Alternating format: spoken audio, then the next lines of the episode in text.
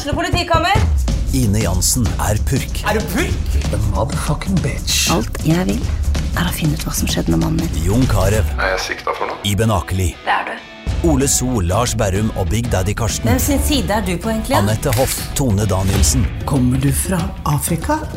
Jørnis Josef, Nesten. Kløfta. Trond Espen Seim, Det er synd å si det, men det var feil mann som døde. Purk. Premiere tirsdag på TV2 Play. Ungsamtalen fra DNB er økonomisk veiledning tilpasset deg som er ung. Bokk en ungsamtale på dnb.no. slash ung. Det er kjempebra hvis du skal inn på boligmarkedet, hvis det er drømmen din, liksom. Det er det du skulle sagt. Og så kunne du ropt litt mer, da, sånn som jeg gjorde. Bam! Åh,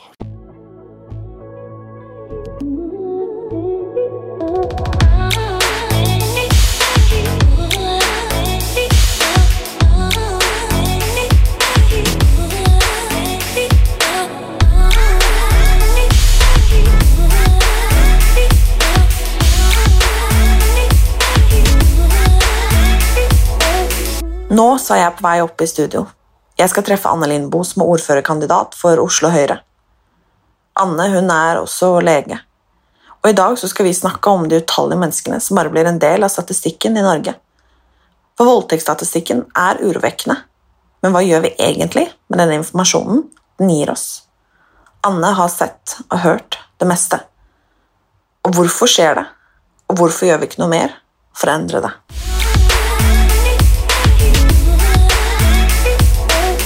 Jeg har sett norske jenter torturert med chili og tørkede erter. Det er på tide å ta av skylappene nå. Det skrev du, Anne, i en kronikk som kom i mars. Og når jeg leste den, så tenkte jeg dette her må vi snakke mer om. Og eh, nå er du her hos meg for å snakke om eh, vold og voldtekt mot eh, Eller den egentlig sinnssyke voldtektsstatistikken som kom for en tid tilbake, som ingen vel egentlig klarer å bli enige om hva er. Um, hva var bakgrunnen for at du skrev den kronikken? Bakgrunnen den var at eh, jeg har jobba med jenter som har vært utsatt for eh, vold og voldtekt i hele mitt liv, eh, både som lege og, og rettsmedisiner, og sett jenter som har blitt ødelagt. Både fysisk og psykisk, og hvor store skader du får, faktisk, hvor alvorlig det er når du utsettes for eh, et seksuelt overgrep eller en voldtekt. Og så kom disse tallene da, for en drøy måned siden igjen som viser at det er så mye som nesten én av fem jenter eller kvinner i Norge som har vært utsatt for voldtekt. Og det er jo det er jo sjokkerende, og det er utrolig alvorlig. Og så blir jeg så forbanna for at vi ikke gjør nok eh, for å, å, å gjøre noe med problemet. Så det var grunnen til at jeg satte meg ned litt sånn i raseri og skrev denne kronikken. Det er jo Eller når dette tallet kom, som jeg nevnte nå, har blitt diskutert, for man sier jo det at det er nesten én av fire, nei, men da er det én av fem, og så er det, som du nevnte også her før vi begynte, at det, noen mener at det er én av sju. Eh, og det er jo egentlig ikke det diskusjonen handler om engang. Det er uansett altfor mange. Eh, og statistikken burde jo vært null av null.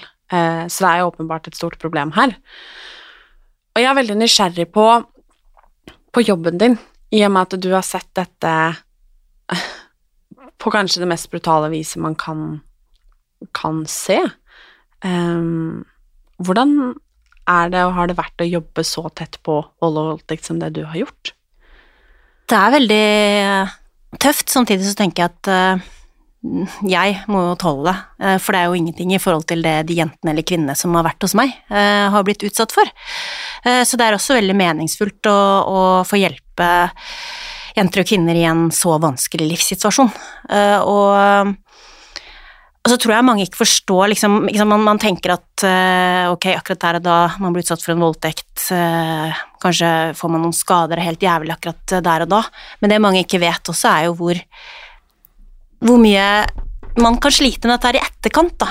Eh? At eh, en voldtakt, det, det kan faktisk ødelegge livet ditt. Det, livet ditt rakner, man får problemer med å stole på folk, man føler at det er sin skyld, man får masse skyldfølelse, eh, vanskelige tanker, og så er det utrolig få, dessverre, som deler det med noen. Og det viste også den undersøkelsen eh, eh, at det er bare én av ti som oppsøker hjelp når de har vært utsatt for eh, voldtekt, og det er utrolig synd, for det voldtekt er et kjempeproblem for helsa og, og psyken og for kroppen eh, til den som har blitt utsatt. Mm. Det å ta steget og dra til eh, legen er jo et stort steg, og det å havne hos en rettsmedisiner, da har det jo gått altfor langt. Um, hvordan møter man et sånn, hvis man begynner med det som lege, da, møte noen som har vært utsatt for ting man overhodet aldri burde vært utsatt for, hvordan møter man en, en sånn kvinne, da? Det som er kjempeviktig, som jeg har lyst til å si først, er at jeg håper at eh, alle tør å søke hjelp. Eh, og hvis man blir utsatt for eh, voldtekt, eller vold eller et seksuelt overgrep, så er det kjempeviktig å dra til overgrepsmottaket. Og det skal finnes i alle kommuner, men det finnes også legevakter, så hvis det ikke er et overgrepsmottak, så kan man dra på legevakta. For der kan man få hjelp, og så bestemmer man helt selv eh, hva man ønsker å få hjelp med. Kanskje trenger man bare noen å snakke med. Det får man der. ikke sant? Man kan være litt i sjokk. Hva skjedde egentlig? Jeg, jeg vet ikke hva jeg skal gjøre. Skal jeg dra til politiet? Skal jeg anmelde? Eh, skal jeg få en medisinsk undersøkelse? Kanskje trenger jeg bare støtte og hjelp noen å snakke med? Man kan få hjelp til å rydde i tankene sine og, og, og, og få noen å snakke med. Og så kan man også få medisinske undersøkelser. Um, og det er jo alt fra i forhold til å finne ut om har du fått noen skader, uh, har du fått noen sykdommer, graviditet, sånne ting. Uh, og så er det også rett og slett å, å, sikre spor. Hvis man bestemmer seg for at man ønsker å anmelde, så er det kjempeviktig at man har vært på overgrepsmottaket og sikra spor, uh, for da står saken mye sterkere senere hvis man, man ønsker å ta den for retten. Da. Så de legene du møter, og sykepleierne og sosionomene, de er veldig forståelsesfulle, utrolig snille og greie og varme og omsorgsfulle mennesker som har møtt masse jenter og kvinner i den samme situasjonen. Eh, og man skal vite at eh, man blir godt tatt vare på, og det er ingen som presser deg til å gjøre noe du ikke vil selv. Alt er på egne premisser. Så, så det er faktisk midt oppi alt det jævlig et ganske fint sted å komme til eh, når man har vært utsatt for noe så vanskelig som en voldtekt. Hvorfor tror du at det er så mange som kvier seg for å dra dit? Jeg tror det er veldig mange som skammer seg, eh, og som føler på skyld og tenker at eh, jeg gjorde noe gærent, det er min skyld, det var et eller annet jeg gjorde som gjorde at jeg ble voldtatt. Og jeg har så lyst til å si at det er aldri, aldri din skyld, uansett, når du utsettes for voldtekt eller et seksuelt overgrep, uansett om man var full eller hadde på seg kortskjørt eller var med noen man ikke skulle vært med hjem, det er aldri din skyld. Men jeg tror dessverre at vi jenter, vi er, vi, vi er, vi er altfor Vi tar på oss for mye skyld. Og når vi skammer oss, så er det også veldig vanskelig å tørre å, å si fra til noen. Så det er kjempeviktig at vi må bare, vi må bare begynne å snakke om dette her, og, mm. og tørre å si fra når sånne ting skjer med oss. Hvordan har det vært å jobbe som rettsmedisin? Det er veldig tøft. Det er klart det, for når du er hos en rettsmedisiner, så er det ofte i de politianmeldte sakene, og, og da er det ofte ganske alvorlige saker. Um, så, så, det er klart at det å se uh, jenter og, og, barn og kvinner med alvorlige skader uh, Jeg har faktisk også i noen tilfeller uh, som rettsmedisiner så undersøker man også mennesker som har mista livet. Det hender jo faktisk noen ganger at noen mister livet. Heldigvis er det utrolig sjelden, men det er jo blant det tøffeste du kan, kan stå i. Så det er jo historier som jeg bærer med meg, som jeg nok aldri helt klarer å kvitte meg med, men det gjør også at jeg tenker at fader, altså, vi må, vi må gjøre noe med dette her. Det er derfor engasjementet mitt er så stort, fordi jeg vil ikke at jenter og kvinner skal oppleve dette her. Mm. Det er kanskje rart å spørre deg om det, men jeg tenker i og med at du jobba så tett på det som det, det du har, hvorfor er det så mange som blir voldtatt? Ja, det er et veldig godt spørsmål, og det som er interessant, da, hvis vi skal gå liksom litt til forskningen, det mm. er at uh, vi tror kanskje at voldtekt er liksom sånn du går i en park, og så hopper det en gæren fyr fram bak en busk som du ikke vet hvem er. Uh, og det skjer innimellom. Men de vanligste er jo voldtekter i nære relasjoner. Eh, og det betyr kanskje at du blir voldtatt av Det kan være en tidligere eller nåværende kjæreste, en, eh, en partner, eller det kan være en venn. Vi vet at voldtekter i, i, mellom venner er faktisk, eh, spesielt blant ungdom, det vanligste. Og hvorfor det? Ikke sant? Jeg tror Dessverre så tror jeg det skyldes til en viss grad, det er i hvert fall ungdommer jeg har snakka med sagt, at det skyldes mye at en del gutter de er dårlige på å forstå jenters grenser. Og de har kanskje aldri lært hjemme at det er ikke greit uh, å ligge med en jente som som du ikke er helt sikker på om har lyst til å ligge med deg. ikke sant? Hvis det er en jente som har uh, kanskje drukket litt for mye, er på fest, eh, ikke tør å si fra, hold deg unna, ikke sant. Det er ikke lov. Eh, veldig mange gutter de dessverre har ikke fått den kunnskapen eller oppdragelsen rett og slett uh, hjemme. da. Og så er det også en del gutter som til lære om sex ved å se på porno. Eh, og så er det en slags litt dårlig kultur i noen eh, guttemiljøer eh, med mye press involvert. Så blir det kanskje mye alkohol på en eller annen fest, og så skjer det noe som aldri skulle ha skjedd. Og det er bare utrolig trist for alle, først og fremst for jenta selvfølgelig, men også for de guttene som faktisk noen ganger kanskje ikke helt skjønner at de utsetter en jente for en voldtekt. Mm. Så derfor så er det så sinnssykt viktig at, at man har god både undervisning om dette på skolen, god seksualundervisning der man lærer om grensesetting og hva som er greit og ikke greit. Gutter må også selvfølgelig få den oppdragelsen eh, hjemme, da. Vi må snakke om dette her. Det er jo veldig mange som lurer på om man har vært utsatt for en voldtekt. Og jeg lurer litt på hvordan, hvordan man egentlig kan vite det, for det er jo veldig vanskelig, som du nevner nå, man kan bli voldtatt av kjæresten sin, eller en man er god venn med, altså til og med kanskje en man har valgt å bli med hjem frivillig, på en måte. Um, hvordan vite liksom at dette ikke var greit, og igjen da ikke ta på seg skylda og tenke at ja, ja, nei, det, det her ble dumt, liksom, når man egentlig har vært utsatt for en voldtekt. Da, det der er eh, også et, et kjempeviktig og litt sånn vanskelig spørsmål, og, og jeg tenker at eh, hvis du kjenner at du lurer på om det var en voldtekt, så var det antageligvis det. Ikke sant? For hvis du går rundt med den der dårlige, vonde følelsen i magen, at eh, her skjedde noe jeg egentlig ikke hadde lyst til, så, så, så var ikke det som skjedde, greit. Eh, og, og da tenker jeg uansett det er utrolig viktig å, å oppsøke noen og snakke om det, ikke sant? For det er vanskelig å stå i aleine. Eh, og, og da kan man også dra på, på overgrepsmottaket eh, for å snakke med noen, men det fins også en del hjelpetelefoner man kan ringe til. Eh, det er jo forskjellige typer sånn chattetjenester, og man kan også snakke med helsesøster på skolen f.eks., eller fastlegen sin, for å få hjelp litt til å sortere hodet. Man kan også oppsøke politiet, men det vil jo være litt sånn dramatisk for mange. Men det er viktig å vite også at man kan snakke med noen i politiet uten at man trenger å anmelde.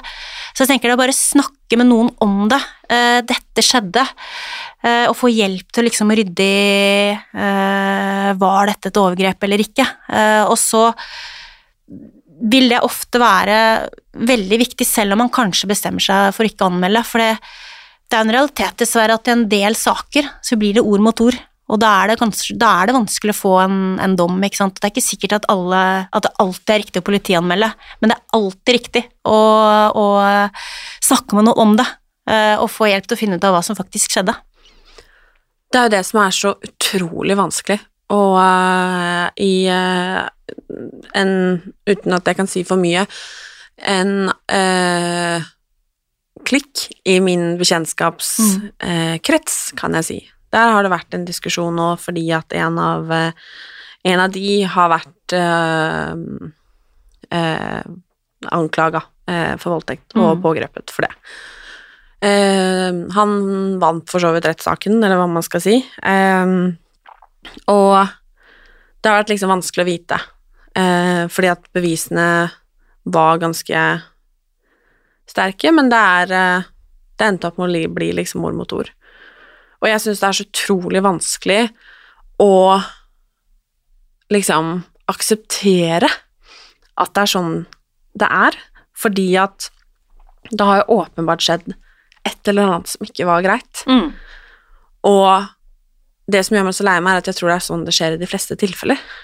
At litt Altså, som du sier, da, man tror liksom at det er denne skumle mannen som hopper Mm. fram bak en busk, som er også noe som dessverre kan skje, eh, men det er ikke det som på en måte er majoriteten av, av de overgrepene som blir begått. Så poenget mitt, eller spørsmålet mitt, er vel egentlig bare hva, hva kan vi gjøre, liksom, for å styrke vår egen sak, eh, vite og slippe det derre hersens tvil-spørsmålet som Mm. automatisk kommer, med at dette her ikke har skjedd. For det er jo det som er så grusomt med voldtekt, at hvis man ikke blir dømt, som dessverre skjer eh, omtrent aldri, eh, så sier man indirekte at det ikke har skjedd. Ja, og det er Det er nok veldig mange som føler sånn, så tenker jeg at eh, det som er, det er at for å begynne litt med starten, hvis man mm. tenker at ok, man ønsker å anmelde, man ønsker at det skal få en konsekvens, så er det kjempeviktig at man gjør de riktige tingene uh, for å styrke saken sin, da. Og da er det å dra til overgrepsmottaket, for å få sikra spor. Uh, det høres sånn jævlig ut, men da skal man helst ikke dusje eller skifte undertøy. Eh, Så hvis man klarer å la være å gjøre det, så er det kjempeviktig. Og man må reise raskt, for det spor blir ganske raskt borte. Det er klart, Finner man spor, så er saken mye sterkere. Så er det også viktig å anmelde til politiet, eller i hvert fall oppsøke politiet eh, så raskt som mulig, for det gjør at de kan eh, sikre spor på åstedet, de kan snakke med vitner, de, altså, det er mye større sjanse da, eh, for å få en sak som holder i retten, hvis man gjør de tingene der. Men så er det helt riktig som du sier, at selv om man har gjort alt riktig på en måte, eh, og så kan det også være noen ganger at man bare ikke klarte å gjøre det, og det er ikke noe gærent med det. Altså, jeg har veldig forståelse for at for noen bare blir så vanskelig at du bare går hjem og legger deg under dyna og dusjer en halvtime og skrubber deg og bare tenker at jeg orker ikke å tenke på dette, og så går det fem dager, og så bestemmer du deg for å anmelde. Det er ikke noe gærent i det. Eh, det viktigste er at man faktisk anmelder eller snakker med noen, men det er klart da blir saken litt vanskeligere for politiet i forhold til å sikre bevis, da. Men det som jeg tror er veldig viktig å huske på, at selv om saken ender i at eh, det ikke blir en dom, da, så betyr det ikke at man ikke er trodd. For at noen ganger så er det sånn at liksom bevisbyrden og alt det greiene her, det er veldig strenge regler for det, for å få en dom. Og det er jo litt viktig òg for at man ikke skal dømme noen uskyldig, ikke sant. Men selv om det ikke blir en dom, så betyr det ikke at man ikke har blitt trodd. Så jeg tenker at det er kjempeviktig at som jente, selv om den saken da ender i å bli henlagt eller en domfølelse, så vil politiet, legen, alle rundt vil tro på deg. Og det er uansett en oppreising å på en måte fortelle hva som har skjedd, si at dette finner jeg meg ikke i, det var faen ikke greit, jeg anmelder. Kanskje dessverre blir det ikke en dom, men da har du i hvert fall liksom protestert og sagt fra. Og så kan man også vite at det er ikke mange sånne, altså hvis han gjør det en, en gang til da, ikke sant, eh, da ligger han skikkelig tynt an. Så det er noe med det å, å faktisk eh, stå opp litt sånn både for seg selv, men også for eventuelt andre som kan bli utsatt seinere, ikke sant? For du slipper ikke unna med det der eh, mer enn en gang, liksom. I rettssystemet, hvis det kommer flere jenter og forteller om det samme, så ligger du jo veldig tynt an. Så jeg tenker at man skal ikke se på det som et nederlag, faktisk, selv om eh, det ikke ender med en, en domfellelse. Man skal ikke se på det som at man ikke blir trodd, eller at man ikke hadde rett, eller at man ikke gjorde det riktige. For det er bare sånn straffesystemet er. Det er veldig strengt. Men politiet bør jo også, når det er sagt, så må man jo prioritere disse sakene høyere også. Politiet må bli enda bedre til å etterforske og, og, og gjøre en, en bedre jobb eh, for å også få flere domfellelser. Det er Mm. viktig. Når du skrev denne kronikken, og hver gang vi snakker høyt om voldtekt på den eller andre måten, så kommer det alltid en del reaksjoner. Mm. Eh, utrolig nok, fordi eh, alle er jo enige om at voldtekt er feil. Eh, det er bare veldig rart at man er så uenig om hva voldtekt er, eh, hvor grensa går, og hvem som kan være voldtektsmenn.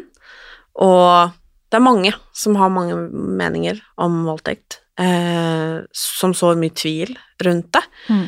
eh, og som heller vil diskutere statistikk, eksempel, enn at dette faktisk er et forbanna problem. For jeg er jo litt av den oppfatningen at én person er én for mye. Eh, det er ikke snakk om hvor mange eller hvor få, det er snakk om at det der ikke skal skje. Hvordan tilbakemeldinger fikk du på den kronikken du skrev? For det var jo ganske tydelig, og man forsto jo hva du Mm. mente. Hvordan har tilbakemeldingene vært? Altså Det som er litt sånn trist, da, det er jo at, eh, at eh, mye av den debatten som kommer med det etterpå, det dreide seg om uh, Nei, men er det virkelig så mange? Det kan ikke stemme. Og så begynte noen å se på liksom, metoden som var brukt denne forskningen, og mente den var feil. Da. Og så begynte man å si at nei, vi tror kanskje ikke det er én av fem, kanskje det bare er litt færre. Så tenker jeg det er vel fullstendig revnende likegyldig, det driter jeg i, akkurat som du sier. Om det er én av fem eller én av ti, det er jo altfor mange. Det skal være null. Eh, Så det er så typisk sånn klassisk eksempel på å liksom bagatellisere og ikke ta på alvor jævlige ting som skjer mot eh, jenter og kvinner. At vi istedenfor å diskutere 'Å, fy fader, det er kjempemange jenter som voldtas', dette er krise, vi må gjøre noe med det, så begynner man å, krangle om talla, liksom. Så mens vi krangler om tall, liksom, så blir jenter voldtatt, og jeg ble jo ja, jeg skrev enda en kronikk eh, der, der jeg kjefta på det, men den kom dessverre ikke på trykk. Men, eh, men eh, så er det godt å få sagt det nå. Men det er dessverre sånn vi har en tendens til å reagere ofte. At istedenfor å ta inn over oss alvoret, jeg tror mange syns det blir for vanskelig, så velger man å fortrenge og stikke huet i sanda og si at nei, det er ikke så stort problem. Hvorfor tror du vi gjør det? Altså, nå, nå spør jeg deg egentlig som fagperson. Hva, hva er årsaken til det? Hvorfor så vi så mye tvil, og hvorfor er det så mye usikkerhet rundt, rundt voldtekt? Fordi det er som jeg sier, da. Alle er enige om at voldtekt er, er grusomt. Jeg har aldri møtt et menneske jeg, som ikke er enig i at voldtekt er grusomt. Eh, men jeg har aldri møtt en som har innrømt å vært en voldtektsmann. Allikevel så har jeg så mange venninner som har blitt voldtatt. Mm. voldtatt. Eh, enkelte flere ganger. Og det rimer jo liksom ikke helt. Så vi er alle enige om at det er gærent, men allikevel så skjer det.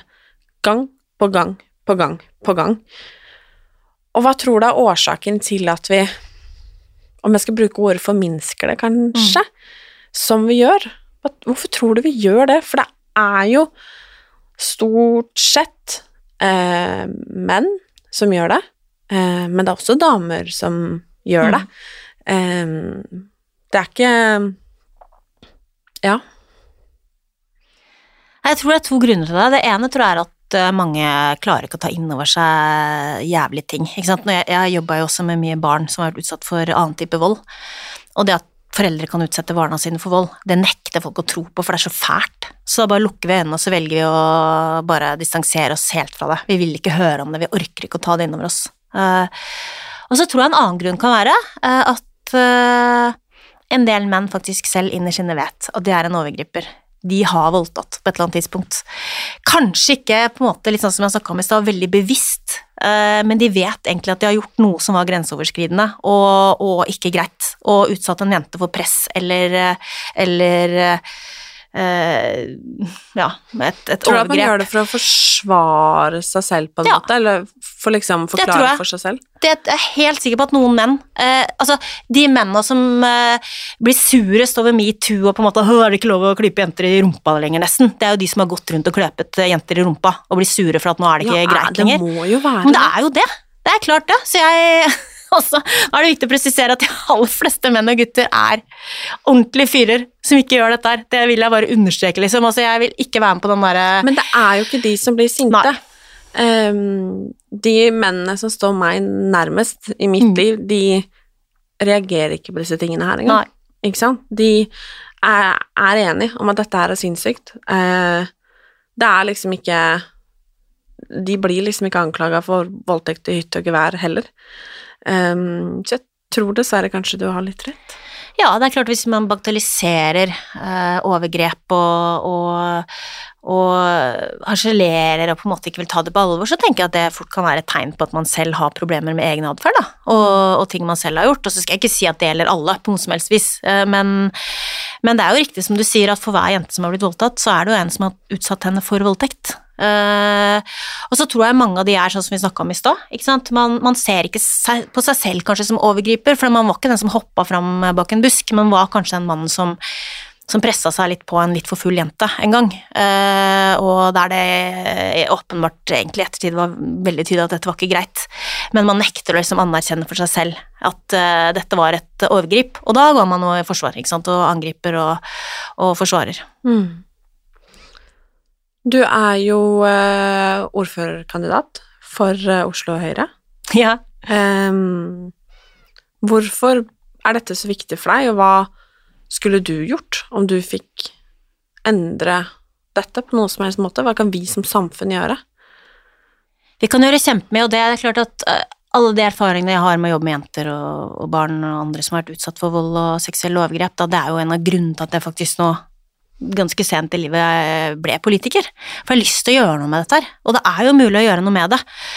Eh, og det jeg har lyst til å gjøre hvis jeg blir ordfører i Oslo og Høyre vinner valget, da, det er jo eh, For det første så er det å gjøre noe med med seksualundervisningen. At ungdom må få eh, enda bedre informasjon, opplæring omkring grensesetting.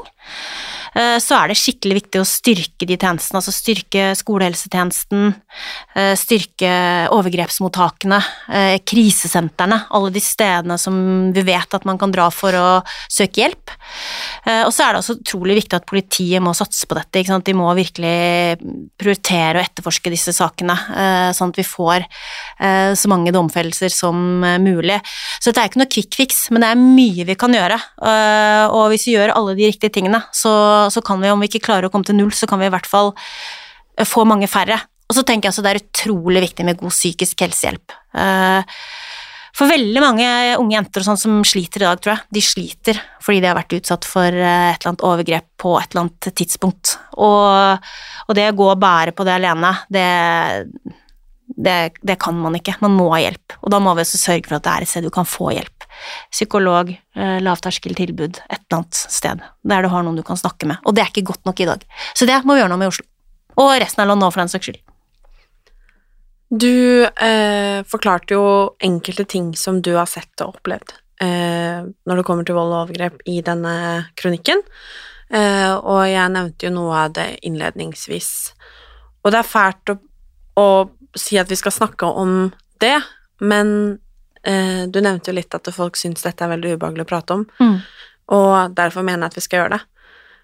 Hva er det som skjer som vi ikke ser, eh, og som vi ikke vil se?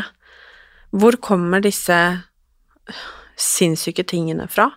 Hva er det menneskene rundt om i vårt land blir utsatt for? Altså, hva er disse tingene som vi kanskje sitter og ser på film og tenker bare ja, ja, det er på film, liksom, men som faktisk skjer i, mm. i våre tusen hjem, da. Vet du hva, det skjer helt jævlige ting, eh, og, og mye verre, nesten, uh, enn det som vi ser på film. Og sånne ting som jeg har sett som, som rettsmedisiner, har jo sett alt fra, som jeg skrev om i den klinikken, jenter som måtte sitte med tørka erter under knærne uh, i timevis med, med hendene over hodet. Uh, det er utrolig smertefullt å sitte på harde, tørre små erter uh, som presser seg inn i kneskåla di, men det setter ikke skader, ikke. Så dette er en sånn anerkjent faktisk torturmetode som man kan bruke uten å, å sette spor, da, og da er det vanskeligere å ta den som gjør det, ikke sant. Jeg har sett jenter som har blitt brennmerka med sigaretter. Uh, piska, slått, eh, forsøkt drukna i et badekar. Eh, jenter med store skader eh, etter å ha blitt utsatt for voldtekter med masse fysisk vold i tillegg. Det er, det er helt jævlig, og, og, når jeg sitter og snakker om det nå, så er det litt fordi at vi, vi må forstå at de tingene skjer, ikke sant, og det vi er nødt til å ta det innover oss, uh, og idet vi tar det innover oss, så tror jeg også sjansen øker for at vi faktisk gjør noe med det. Hvem er det som gjør disse tingene? Hvem er overgriperen? Det er jo ganske ofte mennesker som har vært utsatt for uh, alvorlig skadelige ting selv, dessverre. Uh? Vi ser ofte jeg pleier å si at De fleste foreldre ønsker jo å være gode foreldre, men så er det en del foreldre som selv er utsatt for store skader. ikke sant? Hvis du utsetter barnet ditt for tortur, så er det veldig stor sjanse for at du selv har blitt utsatt for det, enten som barn eller voksen. Så veldig mye er jo Det kan være mennesker med alvorlige traumer, alvorlige krigserfaringer, som selv har vært utsatt for alvorlig vold. Vi vet at hvis du selv har vært utsatt for overgrep, så øker sjansen eh, veldig for at du utsetter noen andre for overgrep. Så det er også grunnen til at det er så viktig at vi gjør noe med det, for dette går jo i arv, ikke sant. Det går i generasjoner. Man arver liksom ofte liksom det som foreldrene gjør mot deg, gjør du jo kanskje mot dine egne barn når den tid kommer, da, fordi du blir så skada av det. Så det er også grunnen til at, uh, at, vi er nødt til å gjøre noe med det for å bryte den der onde sirkelen. Og, og folk flest er jo ikke de er jo ikke onde, men de har vært utsatt for jævlige ting som har gjort at de selv utsetter andre mennesker for, eh, for jævlige ting. Da skal jeg spørre deg eh, tilbake til det jeg nevnte sånn smått og ganske sånn i eh, vagt i stad, med denne personen som i min bekjentskapskrets, eh, og jeg vet at jeg har flere eh, eh, Jeg syns det er vanskelig å skulle være venn med denne personen fordi Jeg syns det som personen er anklaga for, er så vondt og vanskelig. Og jeg vet at terskelen for å ha anklaget nettopp denne personen for dette her er Det Du skal være ganske tøff for å ha gjort det. Og når jeg har sagt det høyt, at jeg syns det er litt vanskelig eh, å skulle ha så mye med denne personen her, eller ha noe som helst å gjøre med den personen her, så får jeg tilbake at neimen, han ble jo ikke dømt. Og det stemmer jo, det. Og jeg vet jo at denne personen også har egne vanskelige og vonde ting, Mm. så jeg havner i en litt sånn derre vanskelig grop Mm. eh, mellom liksom Ja, men det er jo egentlig litt synd på han, men han har gjort noe som er helt forferdelig.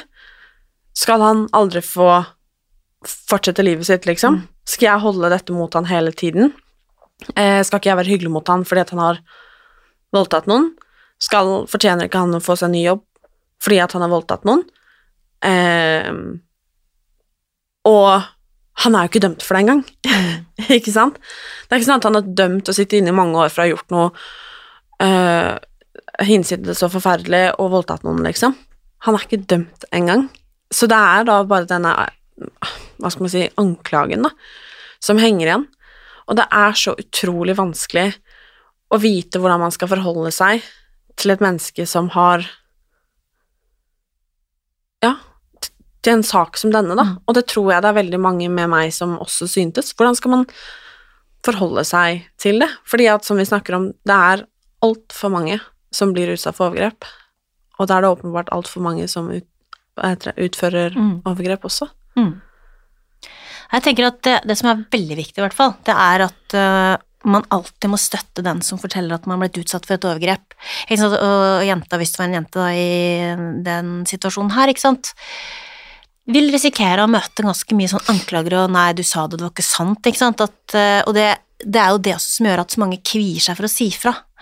At, øh, at nettopp det, da, hvis det ikke, døm, hvis det ikke ender i en dom, da, så, så blir, tror noen automatisk at det betyr at men da løy du, og det gjør jo ikke det, ikke sant, så det å da kan det bare være at bevisene var så vanskelige. Så det er utrolig viktig å alltid støtte den jenta som forteller at hun har vært utsatt, uansett, eh, og tro på det. For det, det skal, altså, hvorfor i all verden skal man liksom finne opp at han var blitt utsatt for et seksuelt overgrep? Jeg For at akkurat det der opplever jeg at folk kan si da Ja. bare sånn Ja, men det er jenter som ljuger om voldtekt. Det finnes sikkert jenter som ljuger om voldtekt, men det tror jeg er et utrolig lite problem i forhold til hvor mange som faktisk blir utsatt for en voldtekt. Og så vil det nok også være, sånn som vi snakka om i stad, definisjon hva er en voldtekt? Det kan være en veldig forskjellig oppfattelse fra henne og han, ikke sant. Og det er det som gjør en del av disse sakene så vanskelig. Det er de færreste som rekker opp hånda Ja. og sier 'hei, jo, jeg har Ja. voldtatt deg, jeg'. Ja. Nei, jeg tenker det, Vi må bare støtte hverandre der, og vi må tro på jenter og venninner og, og andre som kollegaer og venner, som familie, altså som forteller at de er blitt utsatt for et overgrep, for de trenger støtte og hjelp, de trenger å bli trodd.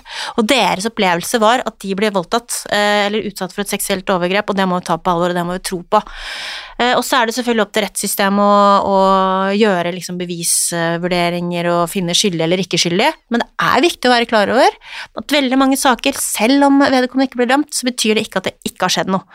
Når det er sagt også, så er det jo klart at det er jo også vanskelig å være en ung gutt eh, som har blitt anklaga for noe du har gjort, antageligvis, eh, men kanskje ikke helt forsto at du gjorde.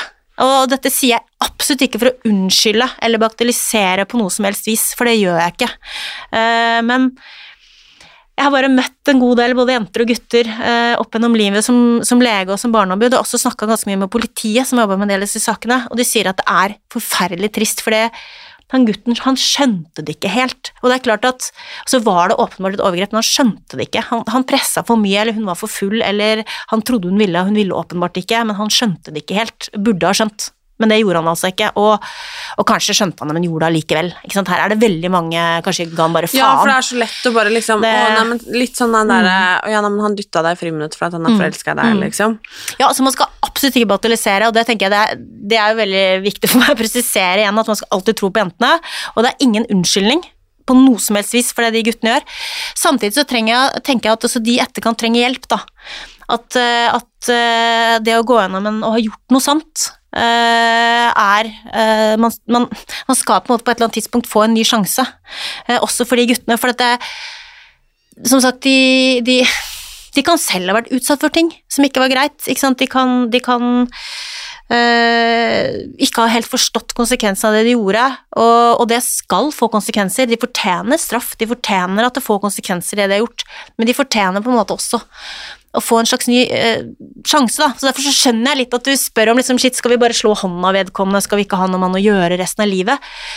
Han er jo også et menneske, så det er klart, men jeg tenker at uh, her må man være veldig sånn Nei, må balansere det opp imot at den som har blitt utsatt for noe, sant, må få støtte, for det kan ikke være sånn at, uh, at den som har blitt utsatt for voldtektene, som faktisk er offeret her, det er det viktig å huske på. Det er den som er utsatt for overgrepet, som er offeret, uh, og som trenger først og fremst hjelpen og støtten. Og så må man se at man på et eller annet vis også da, uten å bagatellisere det hun har vært utsatt for, kanskje kan på en måte strekke ut en hånd til den som har blitt en overgriper, da, på et eller annet vis. Men jeg skjønner veldig godt at du sliter med å ha kontakt med han du forteller om, og mm. han nok eh, har selv eh, for så vidt noen litt lignende opplevelser og har tenkt akkurat det samme, at fy fader, det, det er vanskelig. Ja, det er det. Mm. Og det skremmer meg jo egentlig litt at du har rett i det du sier, at det, den som har utført overgrepet, da, um, ikke nødvendigvis skjønner um, at det man gjør, er gærent. Og det er et så stort problem at jeg ikke vet hvor jeg skal begynne engang. Fordi at eh, hvis du ikke forstår at det er et så stort overtramp Altså, nummer én, da fortjener du ikke å ligge, mener jeg, kanskje, hvis jeg skal mm. helt ærlig. Da, jo, da burde du da ikke ligge. kan du heller finne på noe annet, eh, Mm. hvis ikke du liksom Ja. Men hvor viktig det er at vi snakker om grenser Mm. og respekt, og i en mye større grad enn hva vi gjør nå. Mm. For det er litt sånn På en måte så føler jeg nesten vi fordummer overgriperne med å, med å si at nei, jeg tror ikke de skjønner det, Mm. men jeg er redd for at det er sant. Mm. De skjønner faktisk ikke. Men vi kan ikke fortsette å ødelegge jentene våre fordi at vi ikke har lært gutta våre å sette grenser. Og nå vet jeg at det er noen som kommer til å høre på denne episoden her og si Martine, det er også gutter som blir voldtatt. Mm. Så vi skal også prate om det. Um, selv om det prosentvis er desidert flest jenter, så er det jo også gutter Mm. som blir utsatt for overgrep. Um, og det er ikke bare stereotypisk, det er også det vanlige. Mm. At det er mann som voldtar kvinne. Men har du møtt noen gutter som har blitt utsatt for overgrep? For det det. må være enda Mm. vanskeligere å si ifra om på grunn av den stigmaen, Mm. da. Ja, først, bare for å liksom oppsummere litt om det du sa om mm. eh, gutter som ikke skjønner hva de gjør, så, så tenker jeg altså det er viktig å også bare understreke at noen gutter vet veldig godt hva de gjør. At her er det veldig mange forskjellige At heller ingen hører på dette og tenker at liksom ingen gutter skjønner, og det er nesten sånn at eh, menn ikke har skyld. For det er, sånn er det ikke. ikke sant? Eh, Veldig mange voldtekter er også åpenbare voldsepisoder, eh, der vedkommende helt utmerket godt vet hva han gjør, eller hun, for den saks skyld.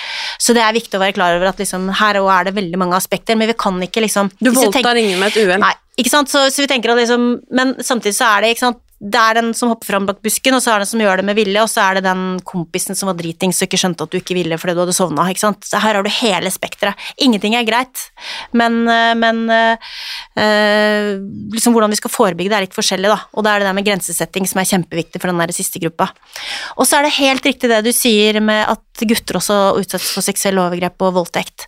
Og det er akkurat like jævlig, selvfølgelig, som når jenter utsettes. Kanskje nesten verre, fordi at det er så tabu å være gutt og fortelle at du har blitt voldtatt. Er, for jenter så er det tross alt liksom litt sånn Du får omsorg og varme og støtte, og folk syns synd på deg. Hvis du er gutt, så er det nesten sånn I hvert fall hvis det er en jente, da. Det skjer jo faktisk at gutter blir voldtatt av jenter. Eh, eller utsatt for noe du absolutt ikke vil, da. Ikke sant. Eh, Pressa, rett og slett. Eh, på lik linje som jenter kan føle seg pressa, som gutter føler seg pressa. Og det er liksom etterpå Det blir nesten litt sånn ledd av ha-ha, du ble voldtatt av en jente, det var sikkert fælt, liksom. Stakkars deg. Og Jeg det har til og med sett folk skrive ja, kommentarer Ja. på Facebook at bare 'Å, fy fader, drømmen min, da', sant? blir voldtatt av Ja, en dame, liksom. Eller 'Å, var du ikke mann nok til å stå imot', Mm. og altså De Mm. Altså Kommentarene der er så Mm. ille at eh, Det finnes jo ikke ord engang. Nei, det er ikke rart at gutter da kvier seg for å si fra. Og da tenker jeg at det er noe vi jenter må være klar over også, at vi også kan utsette gutter for press. Ikke sant? Å være ganske aggro og pågående og kanskje ha drukket litt mye og Du skal være med meg hjem. Ja, ikke sant? Og så syns mange gutter at det er helt supertopp, men så kan det faktisk være noen som ikke syns det òg, som nesten på et eller annet vis faktisk føler seg pressa og blir med på ting de egentlig ikke hadde lyst til, og det er jo heller ikke greit. Så voldtekt av gutter eller seksuelle overgrep eller press skjer, og så er det også gutter som blir voldtatt av andre gutter også, så det er det er eh, et kjempetabu, og det er veldig fint at du tar det opp. Og jeg vil jo si til de gutta som hører på dette her òg, at eh, det er overhodet ikke greit. Eh, uansett på en måte om, om du er sterk og kunne stått imot fysisk, så er det det å liksom bruke nesten vold for å beskytte seg selv eh, mot et seksuelt overgrep fra, fra, fra en jente, det er jo veldig mange gutter som ikke syns er greit, og det er jo veldig fint at de tenker sånn, men det betyr ikke at det, altså det de var utsatt for, var greit i det hele tatt. Og de må bare oppsøke hjelp på akkurat lik linje som det jeg snakka om i stad, ikke sant. Til et, overgrepsmottak, få noen å snakke om, finne ut om dette kanskje er noe du ønsker å, å politianmelde. For det, gutter skal heller ikke finne seg i det, på noe som helst vis. Nå har vi fått veldig mange gode råd til hva man kan gjøre om man er offer, men jeg lurer på om du har et råd som pårørende også, enten som venn eller Mm. familiemedlem til en som eh, kommer og forteller at eh, man har blitt utsatt for en voldtekt. Ja, rådet mitt er tro på den som kommer og forteller det til deg, for ofte så er det faktisk allerede der det går gærent. Tro på, ta på alvor, støtt, hjelp, ikke fordøm, på ingen vis liksom ja, men dette er din skyld, eller altså Tenk at det er ikke din jobb. Bare vær støttende, og vær den skulderen og gråte på den som gir en klem, den som holder rundt. Eh, oppfordre gjerne til å, å anmelde eller oppsøke overgrepsmottaket. Oppfordre i hvert fall eh, til å skaffe noen å snakke med.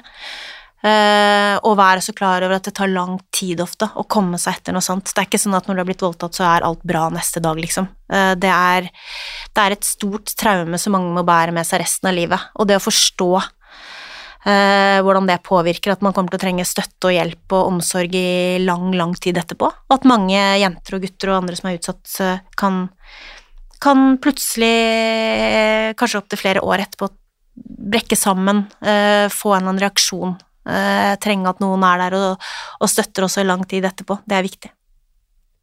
Hva kan vi som samfunn og du som politiker gjøre?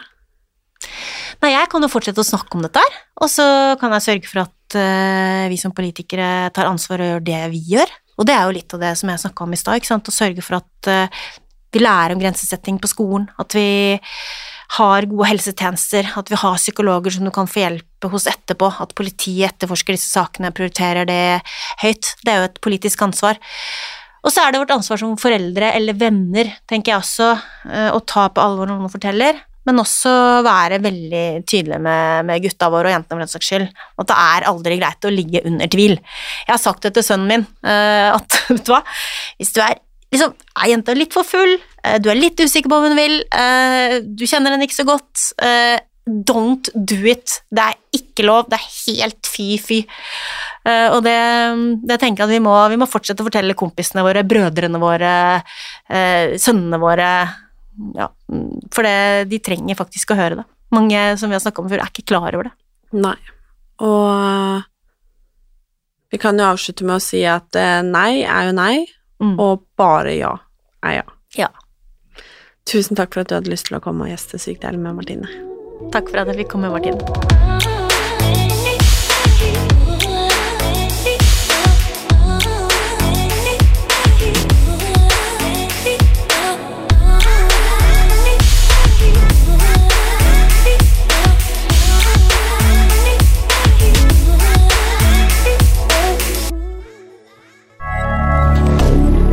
Moderne media.